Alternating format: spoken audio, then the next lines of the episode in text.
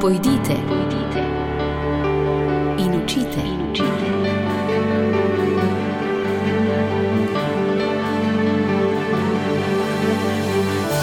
In šli so. Dobro jutro, spoštovane poslušalke, cenjeni poslušalci. Lepo pozdravljeni v današnji misijonski rubriki, ki bo začetek napovedi ponedeljkovega večera 16. maja. V oddaji Prijatelji Radija Ognišče bomo namreč v sodelovanju z misijonskim središčem Slovenije zbirali sredstva za Ukrajino. Za misijon, na katerem delujejo tudi misionarke, ki smo jih v naši akciji Dobroti dajemo glas, dobro spoznali, ki smo jim s pustno sobotno iskrico pred leti tudi pomagali.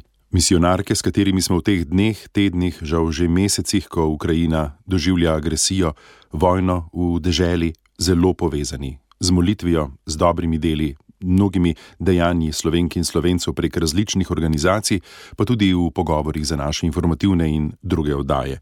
V studiu gostim sestro Jožico Strle in sestro Barbaro Peterlin. Pozdravljeni. Dober dan. Dobar dan. Sestri, danes prvič napovedujemo dobrodelno izvedbo oddaje Prijatelji Radio Ognišče 16. maja ob 20. uri, ko bomo uro in pol dežurali za telefoni, ko bomo skušali pomagati Ukrajini in Ukrajincem, ljudem, med katerimi delujete. Kakšen je trenutno pogled na vaš misijon v Zakarpatju? Najprej smo zelo hvaležni Sloveniji za vso pomoč, ki smo jo že prejeli, za vso materialno pomoč, ki jo je bilo veliko in ki jo, hvala Bogu, uspešno lahko hitro razdelimo med ljudi, ki jo potrebujejo. Kaj ti v naših vaseh, to se pravi v Turja Remeti, kjer mi živimo, in še v par okoliških vaseh, je 1600 beguncev. Naša vas sama ima 3500 prebivalcev, ampak pri nas in še v drugih vaseh je 1600 beguncev. Oni so nastanjeni po hišah, to se pravi po družinah. Tisti, ki niso imeli kam iti, pa živijo v vrtu. Enostavno na tleh so jim dali modroce, tam je skupna kuhna, tam nekdo kuha in ti ljudje tam živijo, da bi ta težek čas preživeli. Nekateri od njih se bodo imeli kam vrniti, ker njihovi domovi še živijo, nekateri pa pravijo, ne vemo, kaj, kaj bomo, kam bomo šli, ko bo enkrat Bog daj tega konec. Mhm. Tako da njim vso to vašo pomoč vozimo, dajemo in so vam silno, silno hvaležni.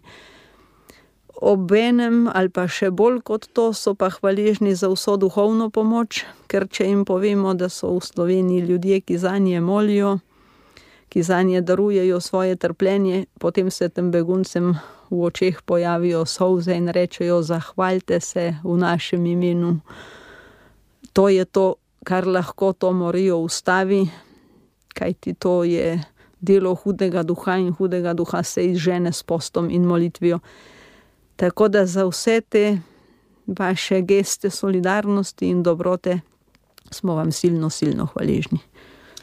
Človek si težko predstavlja, v kakšnih razmerah zdaj živijo ljudje po predvsem teh obleganih ukrajinskih mestih. Verjamem pa, da vse te svoje hude, boleče zgodbe potem prinesijo kot begunci tudi v vašo vas, tudi k vam.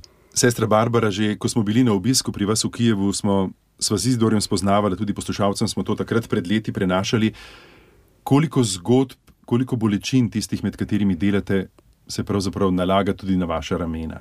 Zdaj je to pri tem delu z begunci verjetno še težje. Ali je to zahtevno?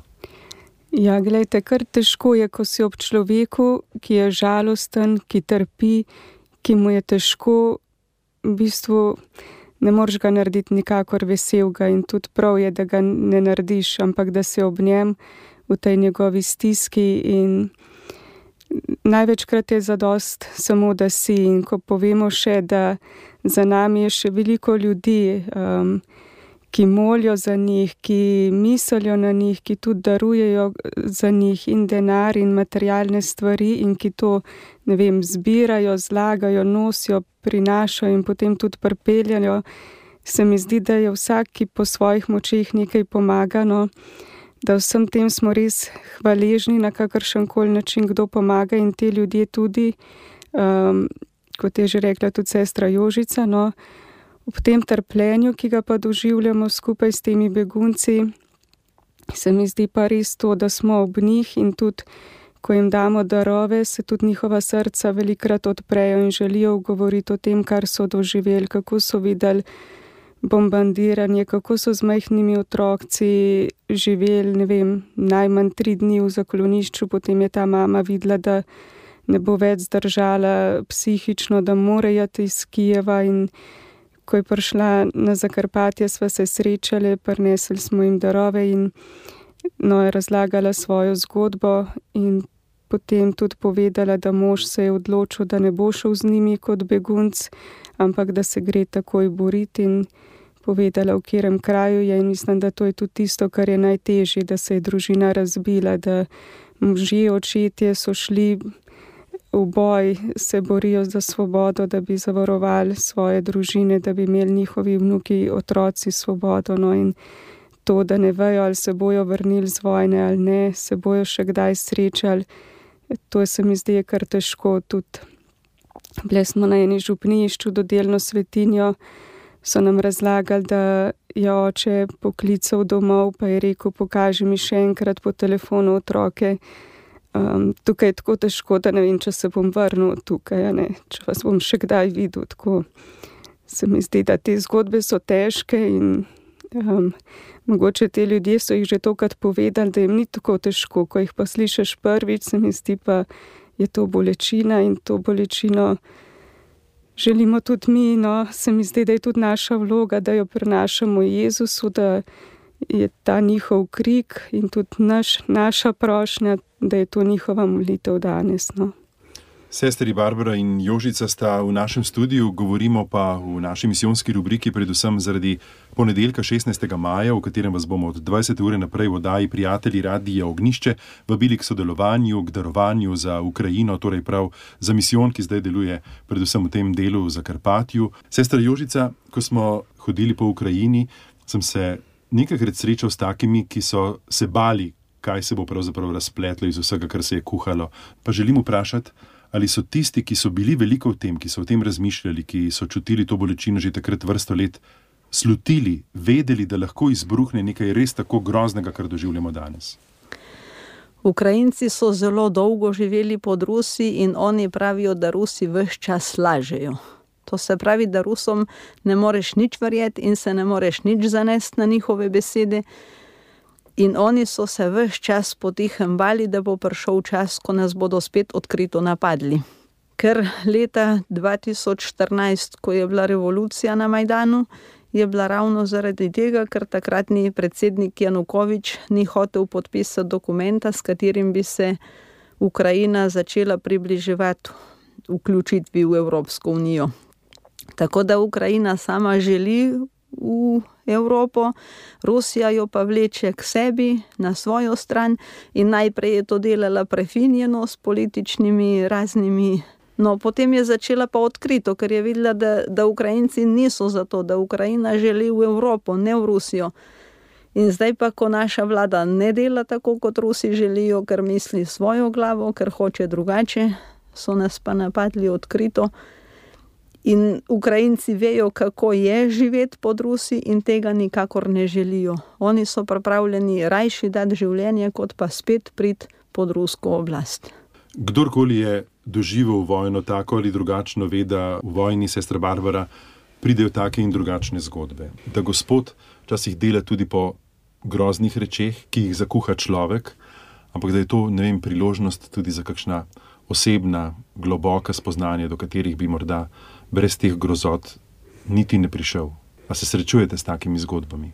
Najprej mi je prišla ena na misel. No, enkrat eno nedeljo po Maši, ob koncu Maše, tako eni paniki, pride v crkvu neka žena, mama s hčerko, ne vem, 14 let staro, 15, in direkt pred križ in tam joka, joka, in potem gre iz crkve in gremo za njo, kaj se je zgodilo. No in pravi, a lahko vi molite za mojega sina, vzeli so ga v vojsko, meni je tako hudo, a lahko vi molite. In v bistvu, dokler ji nisem obljubila, sem rekla, kako mu je ime, je rekla Nikita, sem rekla, dober, jaz bom molila za njega.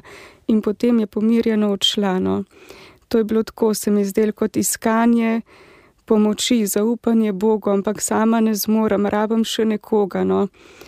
Druga se mi zdi pa tudi lepa med temi begunci, ki so prišli, je bila tudi ena gospa z Kijeva. In ona je že prvi dan, ko so prišli, rekla: Meni je treba crkvo, jaz iščem duhovnika. Jaz uh, sem ta zadnja bila pri spovedi v najstniških letih, zdaj je pa čez 50 let stara, meni se je treba spovedati. In res se je potem z duhovnikom pogovorila in kako je bila ona srečna. No? Potem je vsak dan, kadar je bila Maša v vasi, prihajala k Maš, k nam na rožni venc. In večkrat je rekla: Vidite, to je tudi milost. Jaz sem mogla 800 km narediti, da sem prišla po tolikih letih spet nazaj k Bogu. No. Tako sestra Barbara Peterlin, sestro Jožico Strleste v teh dneh v Sloveniji in v sodelovanju z Misijonskim središčem Slovenije pripravljamo dobrodelno izvedbo oddaje Prijatelji Radija Ognišče v ponedeljek 16. maja ob 20. uri, ko bomo skušali pomagati ljudem, med katerimi sestre delujejo. Razmere v Ukrajini so torej težke in boleče. Zaupamo v vašo dobroto in darove, s katerimi bodo sestre lažje opravljale svoje poslanstvo. Hvala za današnjo pozornost in nasvidenje čez teden dni v drugem delu pogovora, dan pred dobrodelno oddajo Prijatelji Radija Ognišče. Pojdite, pojdite in učite. In učite.